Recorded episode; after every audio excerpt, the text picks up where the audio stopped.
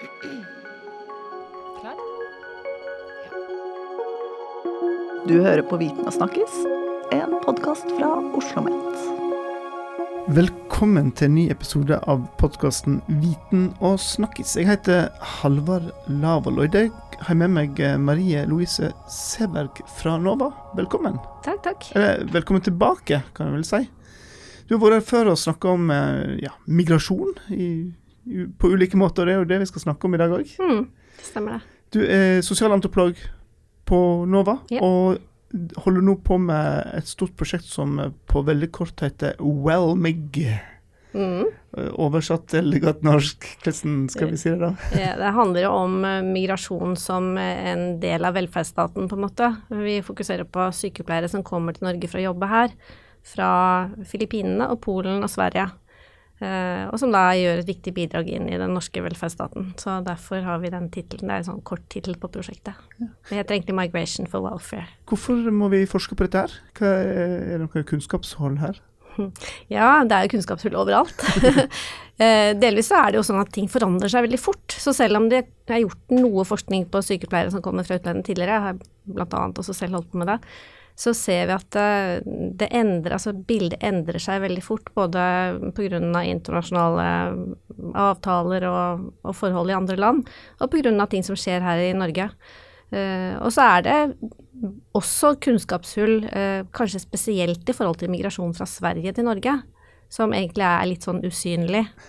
Uh, det fins forskning på det òg, men veldig, veldig lite. Kan du si noe om hvor mange det gjelder? Veldig vanskelig å komme med tall. Ja. Delvis så er det fordi at eh, svensk migrasjon til Norge registreres i veldig liten grad.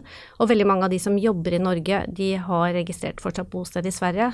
Kanskje fordi de bor og jobber i Sverige store deler av året også. Eh, For Polen er det litt enklere. For Filippinene så er det største problemet at de fleste som kommer fra Filippinene, de får ikke jobb som sykepleiere. Sånn at vi kan finne tall på hvor mange filippinske borgere som finnes i Norge, eller hvor mange folk som bor i Norge som er født i Filippinene, men vi vet ikke hvor mange av dem som har utdanning som sykepleiere fra Filippinene. Ganske mange av dem jobber som eh, helsefagarbeidere, eller det som het hjelpepleier før. Eh, og mange av dem har også helt andre typer yrker. Og så er det en ganske stor andel faktisk for alle tre gruppene som jobber for rekrutteringsbyråer. Og da kommer de i statistikken ikke til syne som sykepleiere i det hele tatt. Så jeg kan egentlig ikke svare ordentlig på det spørsmålet. Vi har prøvd og prøvd og prøvd. Ja. Eh, og vi kommer nok til å Vi holder på å jobbe med en artikkel hvor vi skal forklare liksom veldig grundig hva som er eh, vanskelighetene, eh, og lage slags sånn legge ting litt oppå hverandre og se om vi kan finne noe ordentlig svar. Her på Oslo Met så utdanner vi jo mange sykepleiere. Mm. Trenger vi disse sykepleierne fra andre land da?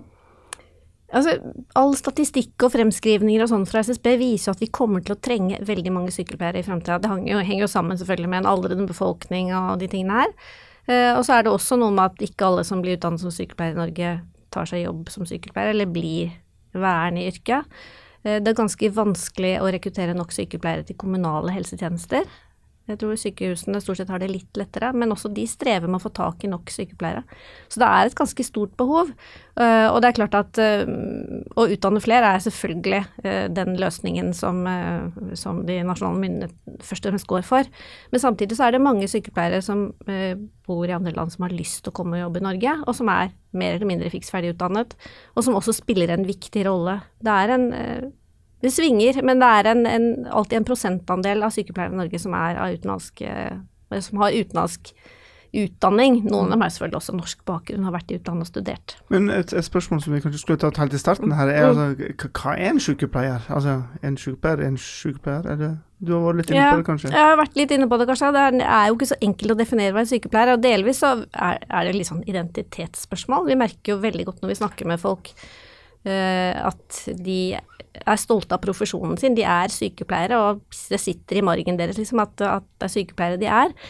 Eh, Men det er ikke dermed sagt at norske myndigheter eh, har gitt dem autorisasjon til å jobbe som sykepleier.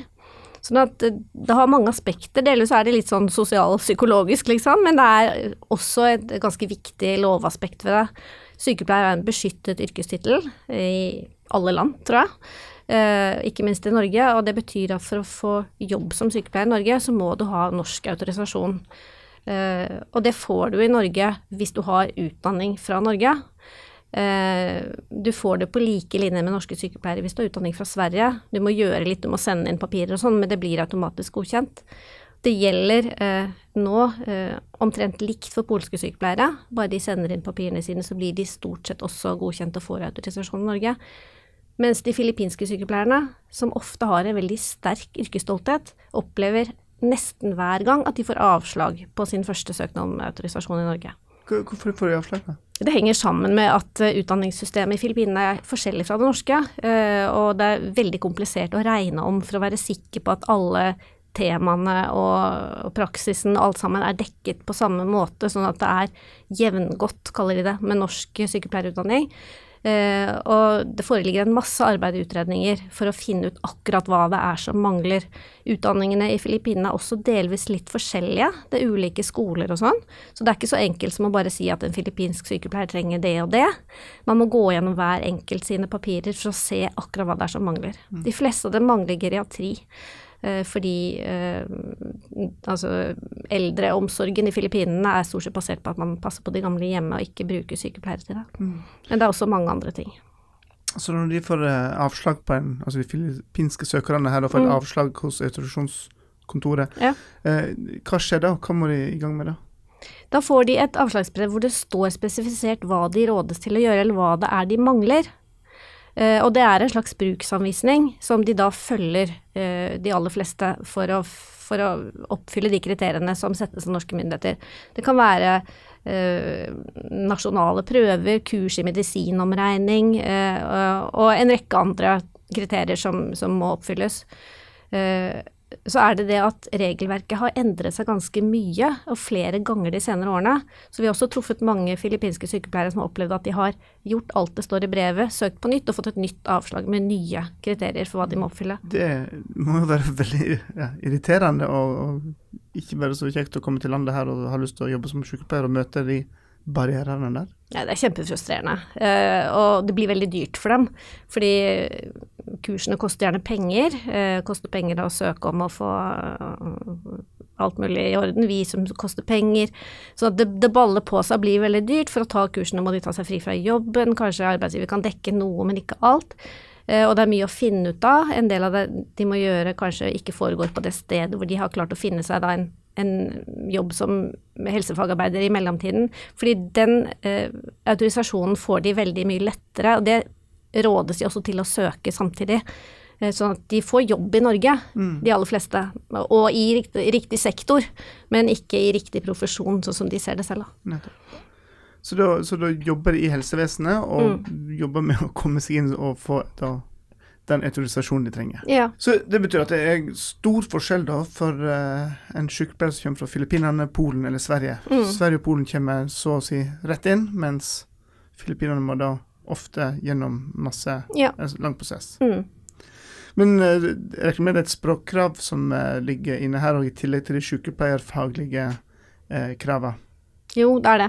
Og det har også endret seg en del de siste årene. Før så var det sånn at det var opp til arbeidsgiver å, å forsikre seg om at alle de ansatte kunne godt nok kommunisere godt nok, enten det var på norsk eller på andre språk.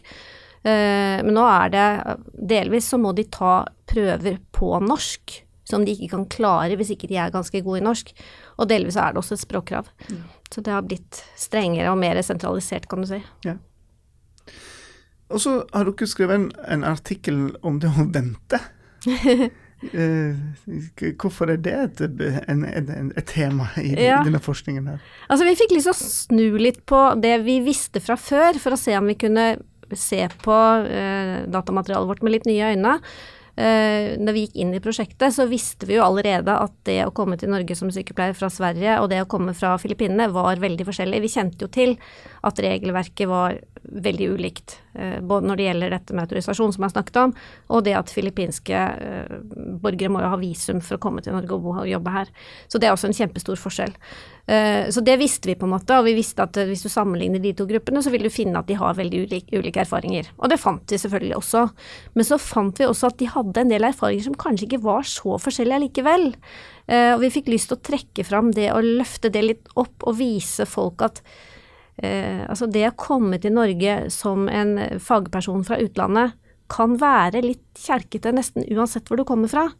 Eh, vi fant ut at de svenske som vi snakket med, ikke syntes det var så veldig lett som vi kanskje, eller som man kanskje kunne antatt. F.eks. dette med språk, eh, finne seg til rette, finne seg til å bo, forholde seg til arbeidsgiver. Det var mange ting som, som de skilte seg litt ut på i forhold til, eh, til en, en vanlig norskutdannet sykepleier. Mm. Så vi fikk lyst til å liksom se på om, hvis vi sammenlignet erfaringene til de to i utgangspunktet veldig forskjellige gruppene, om vi kunne se noen likheter. Og det så vi da, ja. faktisk. Vi gjorde det. Så, så, til og med svenskene mm. syntes dette her eh, ikke var så lett? For en skulle jo tro at når naboen kommer på besøk, så skulle det gå mm, Ja, og det, klart, altså relativt sett så er det jo enklere for dem. Mm. Uh, det Vi later ikke som vi har funnet ut at det ikke er det. Uh, men f.eks. dette med språk, så oppdaget vi jo at uh, når du kommer på jobb første dag som sykepleier fra et eller annet sted i Sverige, til veldig ofte et sted i utkanten-Norge, for det er der mangelen på sykepleiere er størst, Eh, hvor mange snakker fort på dialekt, og du skal kunne de medisinske termene som ikke, slett ikke alltid er like, eh, så er det et veldig stort rom for misforståelser og usikkerhet. Og samtidig så blir de svenske sykepleierne eh, som nevnt, så kommer de ofte via sånne bemanningsbyråer eller rekrutteringsbyråer. De koster ganske mye penger for arbeidsgiverne, og det forventes at de jobber veldig effektivt fra første øyeblikk. Eh, det er ikke noe opplæring, liksom. de er ikke nyansatte. De skal bare rett inn og løse en krise fordi folk er syke eller de mangler bemanning på, på arbeidsplassen. Og dermed så er det veldig stort press på de svenske sykepleierne, som de opplevde som ganske vanskelig å forholde seg til. Eh, og så spurte vi dem også da, ja men eh, liksom, har dere ikke krav på noen form for innføring, opplæring, kompensasjon? Eh, hvis dere føler for, sånn som noen sa, at de følte at de egentlig ble utnyttet for hardt. Men det de sa da, er at da, da holder vi ut liksom den perioden som vi er på det sykehuset eller på det stedet. Og så bare ber vi bemanningsbyrået om ikke komme dit igjen. Og det er klart det løser problemet for den enkelte, men, eh, men systemet er jo det samme. Det går jo en grense her på, på Det skal være en en visst faglig kvalitetsnivå. Altså, mm. Vi snakker om liv og helse her de skal, ja. skal jobbe med. Ja. Eh, og, så dette med at ja, vi må stille krav til de som skal jobbe som sykepleiere på en del nivå, mm. men samtidig så skal vi òg det skal være enkelt å komme hit og, og, og få den jobben. Hva, hva, tenker du om den grensa der? Er vi, treffer vi der nå, eller er, vi, måte, er det for vanskelig eller for lett, eller har dere klart å se noe sånt? Mm. Det, blir jo, det er jo et ganske generelt spørsmål, da. Ja. Uh, og jeg er ikke fagperson, jeg er ikke selv sykepleier, så jeg tror jeg skal være forsiktig med å uttale meg på liksom et helsefaglig grunnlag. Men det jeg nok kan si, det er at uh, det er en god del kompetanse som blir kanskje uformelt utnyttet, for også de som jobber som helsefagarbeidere, de filippinske der, de opplever at de blir på en måte gitt ansvar ikke formelt som om de var sykepleiere, men de får mange oppgaver som de vet de kan takle, og som de gjerne vil ha, for de vil opprettholde kompetansen sin. Eh, men de får ikke betalt for den. Uh, og, og, der tenker jeg det er en skjevhet, særlig i forhold til de filippinske sykepleierne. Uh, så, og det er en Ja, det er, det er ikke, jeg er ikke sikker på at liksom balansepunktet er funnet på helt riktig sted der. Mm. Men eh, vil resultatet fra denne forskningen deres kunne være med å, justere på det balansepunktet, tror du? Jeg håper det. Det er klart det er bare ett prosjekt. Selv om det er et stort prosjekt, så finnes det jo veldig mye annen både forskning og utredning som er mer grunnet i helsetjenestens egne behov og sånn. Det vi håper er jo at vårt prosjekt kan bidra litt med eh, blikk fra sykepleiernes egne side. Vi har brukt mye tid på å snakke med sykepleierne selv, og dels eh, vært på jobb med dem og sånn. Uh, og da vil det nok komme fram ting som man kanskje ikke nødvendigvis ser, hvis man ikke innehar den posisjonen. Mm. Har du noen eksempel på det? Ja, altså eksempel det der med at, uh, at, det er veldig fort gjort for de svenske sykepleierne å havne litt sånn i en felle hvor de blir veldig pressa. Uh, det samme gjelder jo i og for seg både de polske og de filippinske. De føler at de må yte veldig mye. uten at de nødvendigvis får si, kred, betaling, at det syns ordentlig hva det er de gjør. Mm.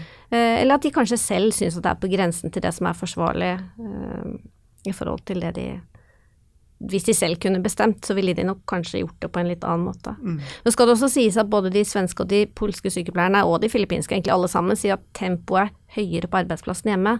Det er en annen måte å være sykepleier på ja. i andre land. Og det er også ganske interessant. Det er en av forskerne som holder på å skrive om det nå.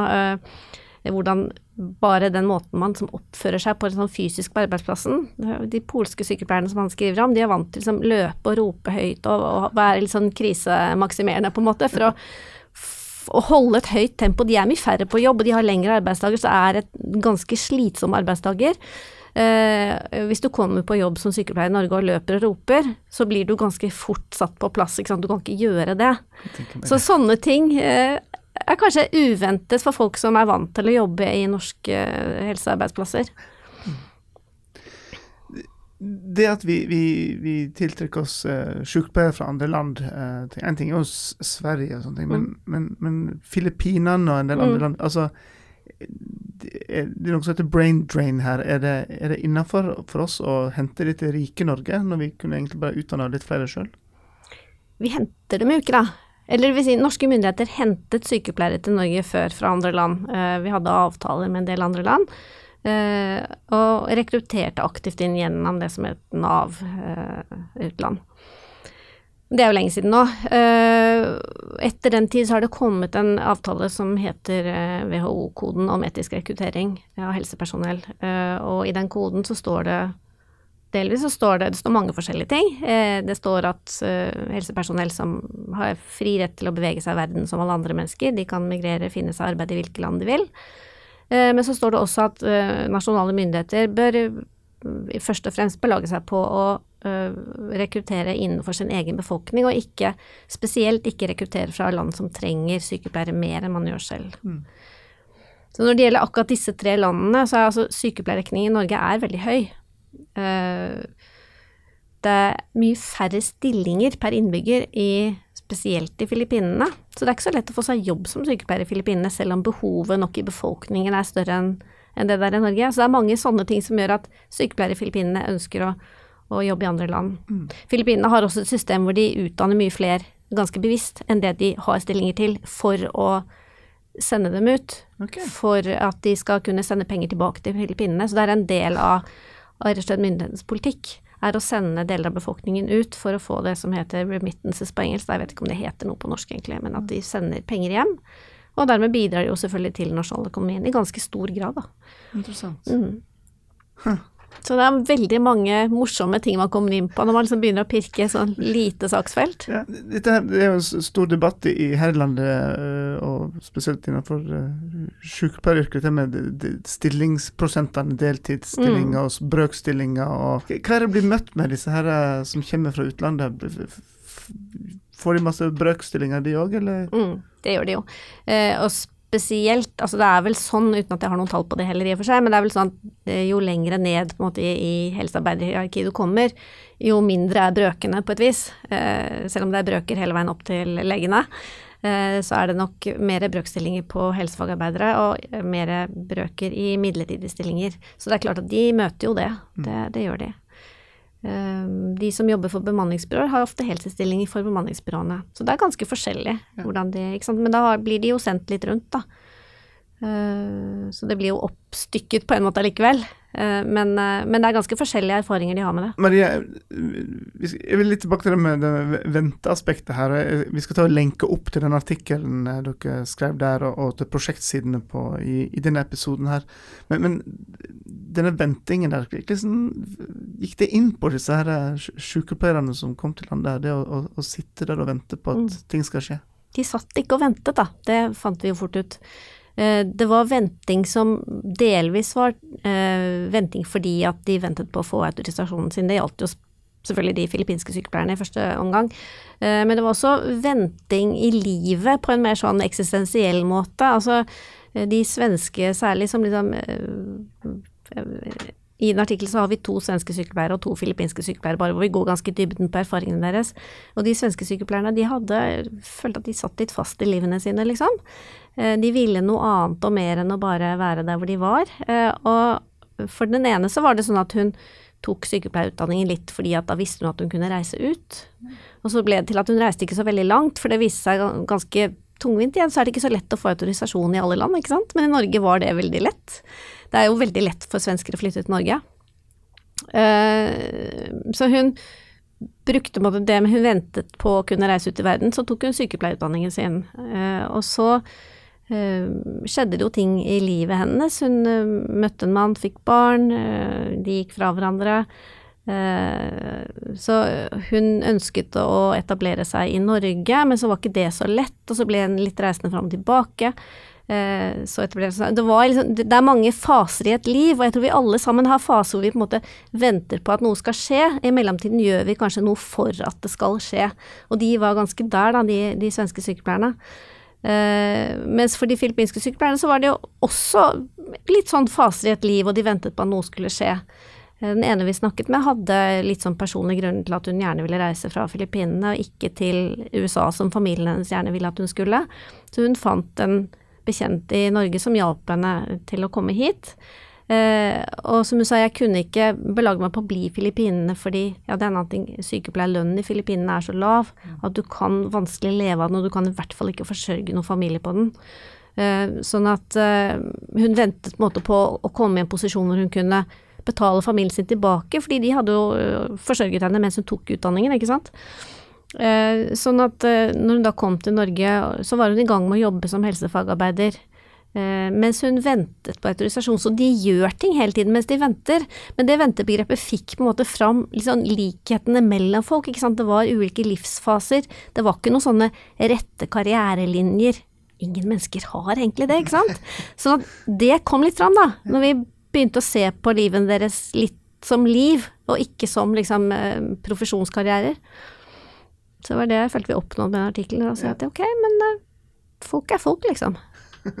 Systemene er ganske forskjellige, men uh, menneskene er ikke så ulike, og erfaringene er ikke så ulike når det kommer til stykket. Nå har vi snakket veldig mye om de filippinske og de svenske her. Mm, fordi så, forskjellen er størst i erfaringene. Ja. Så midt inni der så finner du mm. de polske. Ja. Men uh, ting er jo at uh, så vidt jeg vet, så er jo andelen, altså Innvandrerandelen fra Polen er vel den største i Norge. Mm. Det må være en del fordeler med å ha polske sykepleiere i landet vårt? Mm, ja, det kan du si. Det har vi faktisk ikke funnet ut veldig mye om. Og det kan være fordi at uh, sykepleierandelen er ikke så innmari stor. Og, og jeg tror at de polske sykepleierne som jobber i Norge, nok først og fremst er ute etter å finne en jobb, og mindre grad ute etter å liksom serve sin egen befolkning. Det, det, er egentlig ikke et tema de har kommet inn på i noen særlig grad. Mm. Det er et interessant spørsmål, altså. Uh, fordi det er en stor innvandrergruppe. Den er jo stort sett ganske ung, ikke sant. Det er ikke sikkert at den er i kontakt med det norske helsevesenet i så veldig stor grad. Jeg tror nok kanskje det vil være forklaringen. Jeg vet jo fra annen forskning at mange polske innvandrere i Norge de reiser tilbake til Polen for å få helsetilbud på polsk i Polen.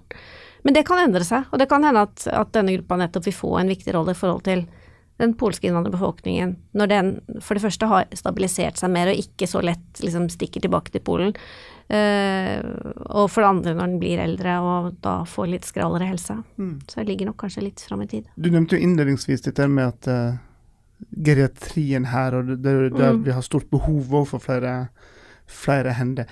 Ser jeg noe på disse sykepleierne som kommer til landet, hvor er det de havner hen? Er det sykehus, mm. er det geriatri, er det andre uh, type institusjoner? De som jobber med bemanningsbyråer er nok både òg.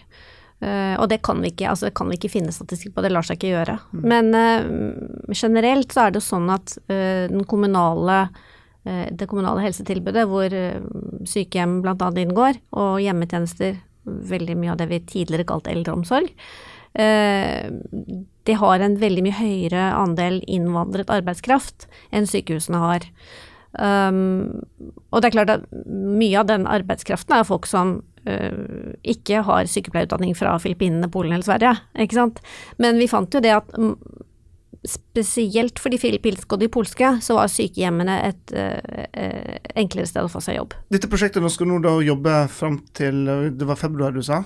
2021 ca.? Ja, vi driver og skyver litt på sluttdatoen fordi det skjer jo ting underveis i et prosjekt. Vi også driver og venter og har litt ulike livsfaser og sånn. Mm. Og så kom jo denne pandemien og tok oss.